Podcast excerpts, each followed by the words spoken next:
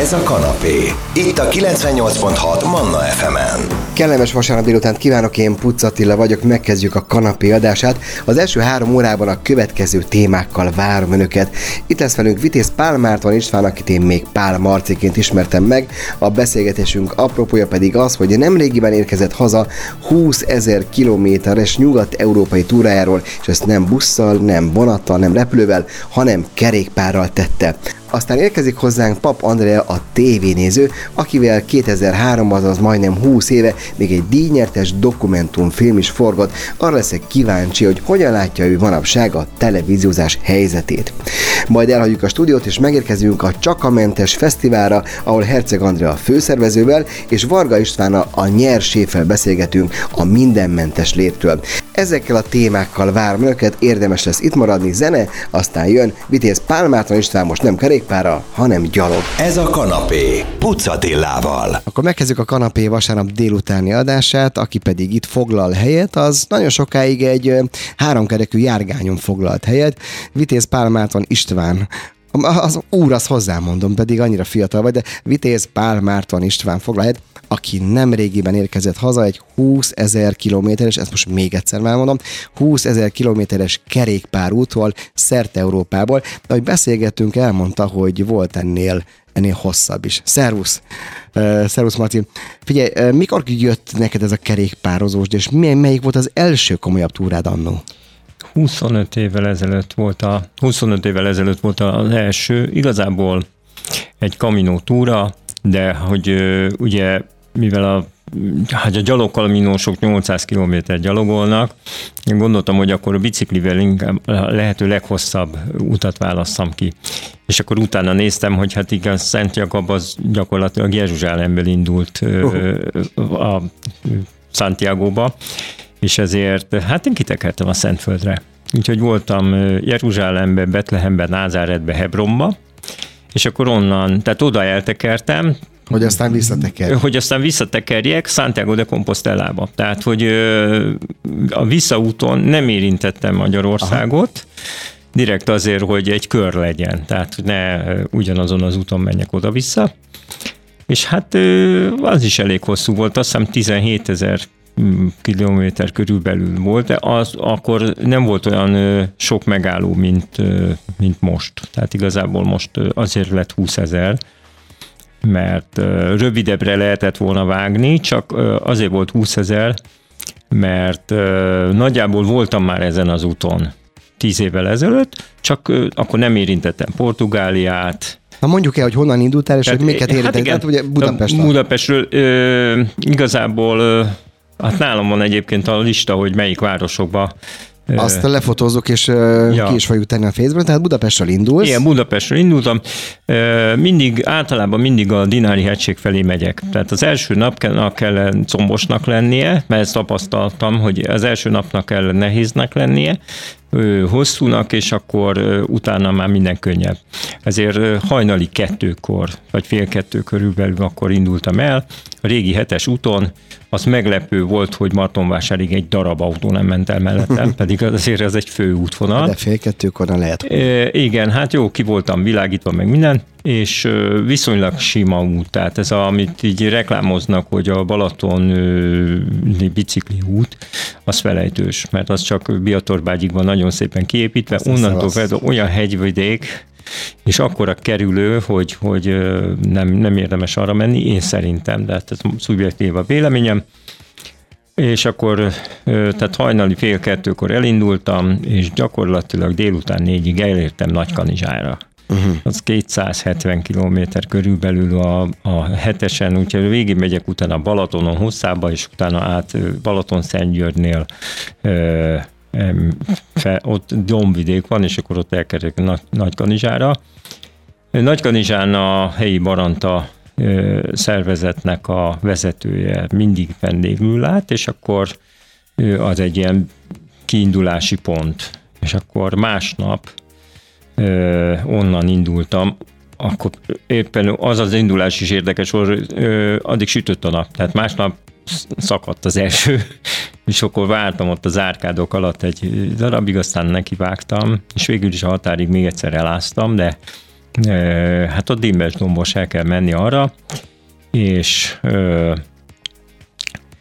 ö, hát Letenyénél kelek mindig át, és akkor Horvátország, Csákvár, Karlovác felé kell menni,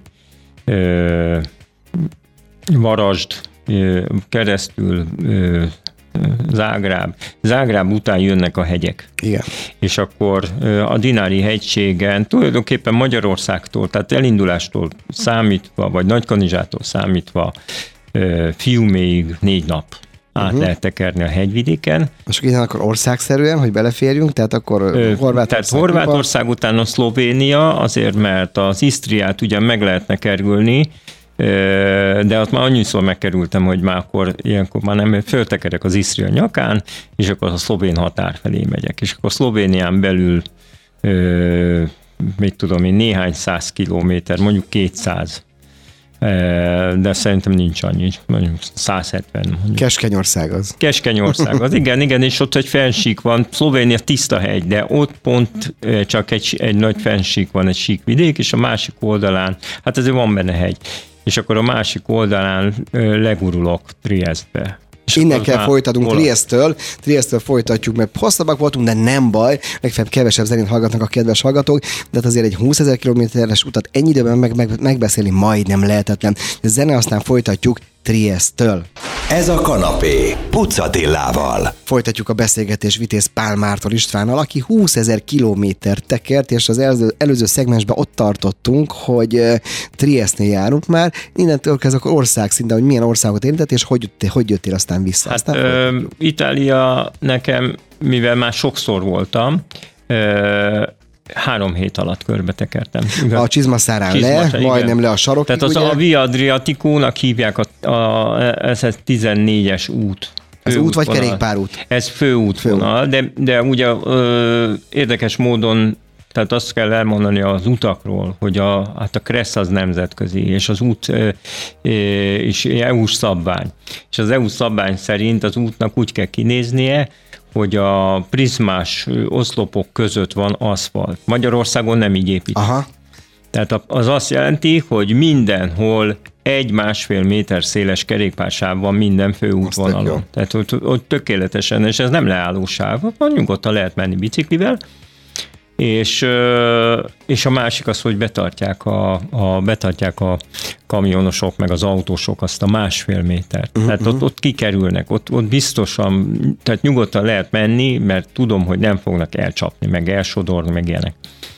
Azért előfordul olyan, hogy tudom én, volt már ilyen korábbi túráknál, hogy a körforgalomba a, a kamionról a szállítmánya lesodródott, és a fej, fejemre esett egy tégla. Ne ott ilyen, de sisakon van. Hát felszerelésem az Láthatósági merények után ez a Facebookon láthatja, minden, hogy... Minden, Ez fontos. Ez nem csak azért fontos, mert előírás, hanem azért, mert hát ez megvéd.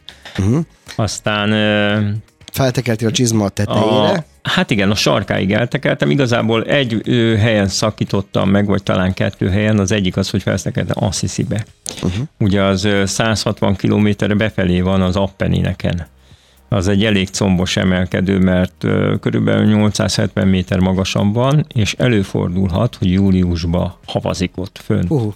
És volt már rá példa, hogy, hogy egyszer hó volt meg ott rövid nadrágba, de hát jó volt, mindegy. És a mini csomagodban ilyen ruhákat minden, is Minden van. Tehát a, a évről évre, ahogy a túrákat teszem, mindig, mindig hozzáteszek valamit, tehát mindig van ö, valami, valami javítani való, valami változtatni való, és a felszerelésben is, tehát arra mindig ügyelek, hogy ne legyen túl nehéz, akkor legyen minden, tehát az, hogy, hogy lehet, hogy télen érek haza, tehát akkor meleg ruha is kell legyen nálam, vagy pedig felkészülök arra, hogy majd hol fogok venni és akkor általában ugye nem szoktam pénzt vinni magammal túrákra, tehát nagyon ritka, hogy most is csak 40 euróval indultam el. Na akkor itt megszakítjuk, tehát ott vagy ugye elvileg azt hiszi kerülő meg volt, de most el, előtt a finanszírozás. Tehát 40 euróval indulsz, ami mai 16 ezer forint, és honnan van a többi akkor? Ö, e, hát visznek rengeteg, de rengeteg élelmet, kolbászt,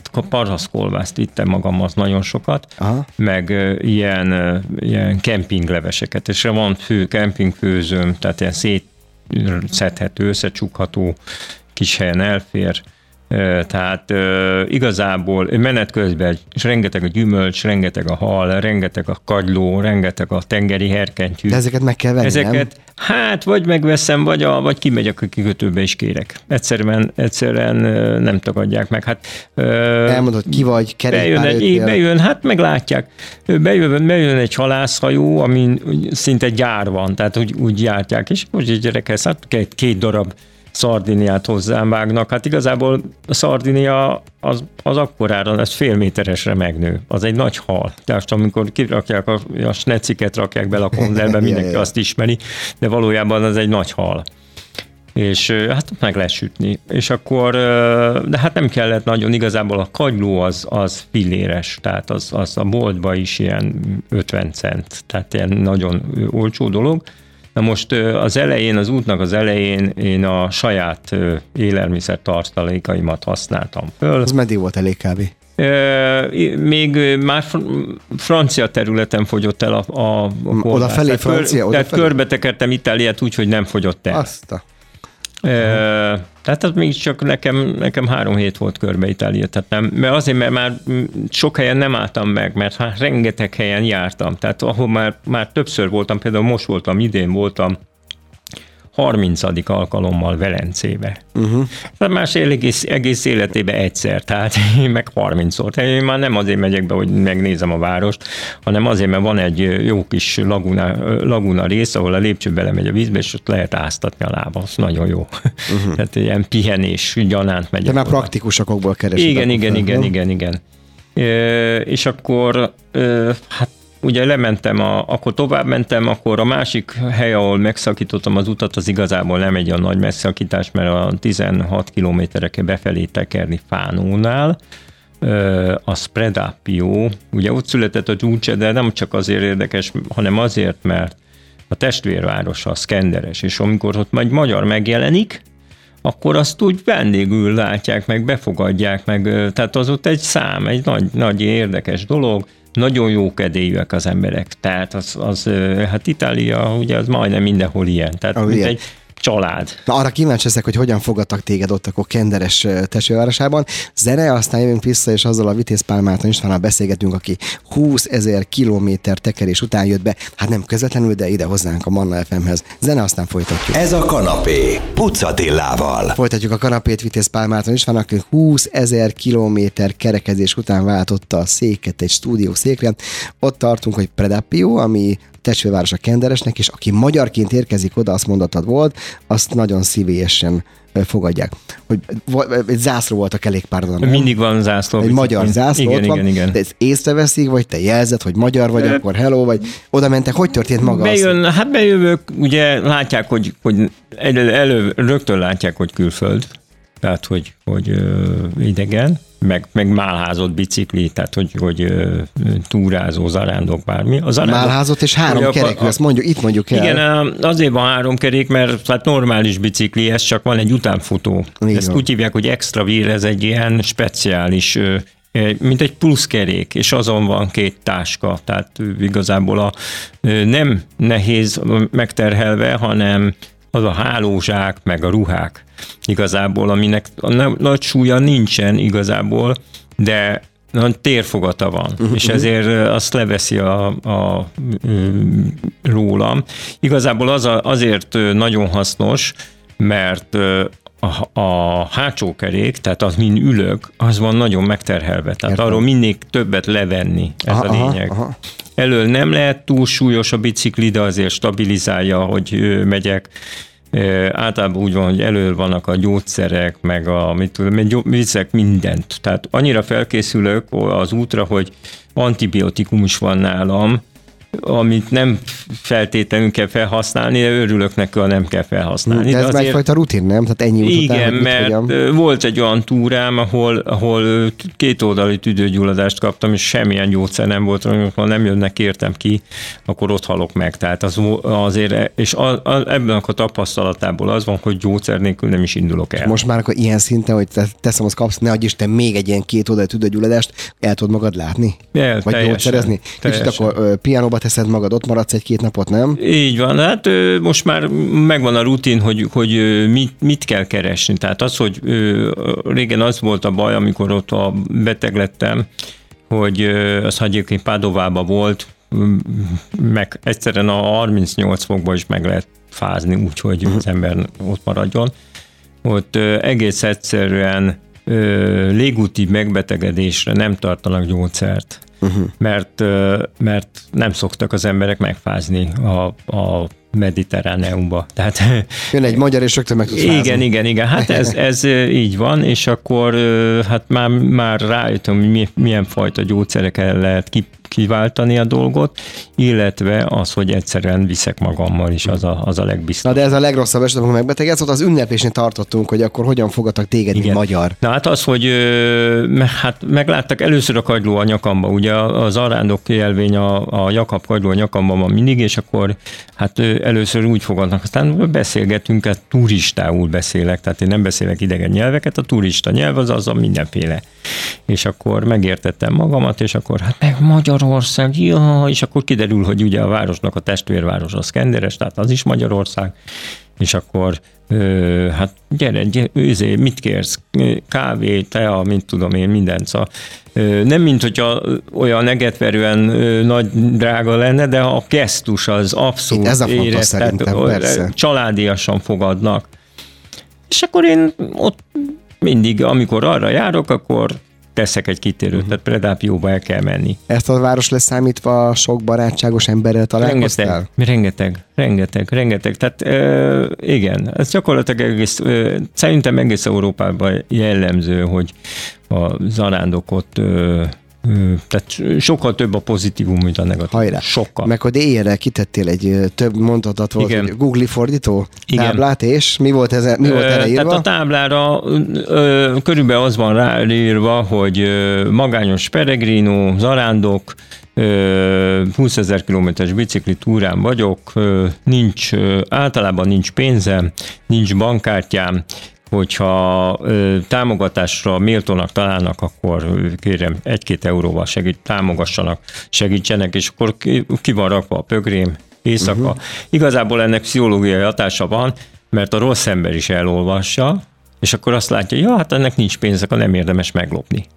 És akkor nyugodtan alhatok. Tehát gyakorlatilag ez, ez, ez volt a legjobb védekezés az ellen, hogy a migránsok, meg amit tudom én, ott mászkálnak körülöttem. Uh-huh. És tényleg ez működik. És ráadásul volt olyan hely, ahol arra ébredtem, hogy 60 euró van bedobva a bögrébe, tehát azért nem, nem volt rossz. Tehát általában mindig volt egy-két euró benne, és ez nagyon jó, mert mondjuk például két euróból egy normál reggelit meg lehet benne kenyér, apró dolgok, kefír, ami kell egy kerékpár. Így van. No. Innen folytatjuk, már a finanszírozásnál tartunk, egy speciális finanszírozási módot említett Marci.